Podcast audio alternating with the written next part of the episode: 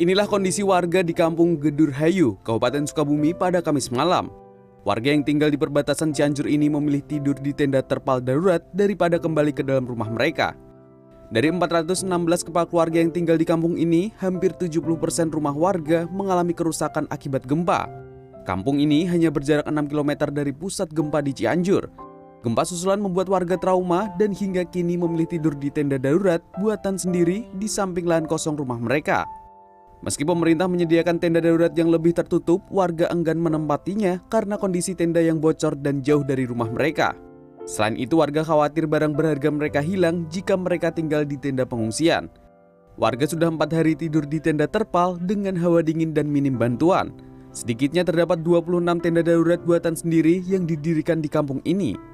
Satu tenda dihuni oleh 10 hingga 20 kepala keluarga, didominasi oleh anak-anak dan ibu-ibu.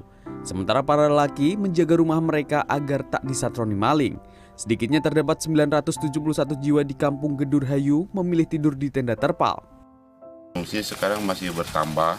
Berapa karena, jumlahnya, Pak? karena warga-warga yang tadinya bisa diam di rumah, sekarang karena banyak getaran-getaran, gempa-gempa yang susulan-susulan terjadi, dia takut.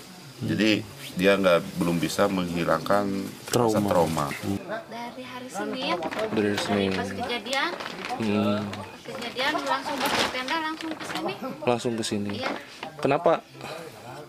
kan takut ada gempa susulan lagi gitu baru takutnya besar gitu kita lagi tidur lagi apa di rumah mendingan di sini agak aman daripada di rumah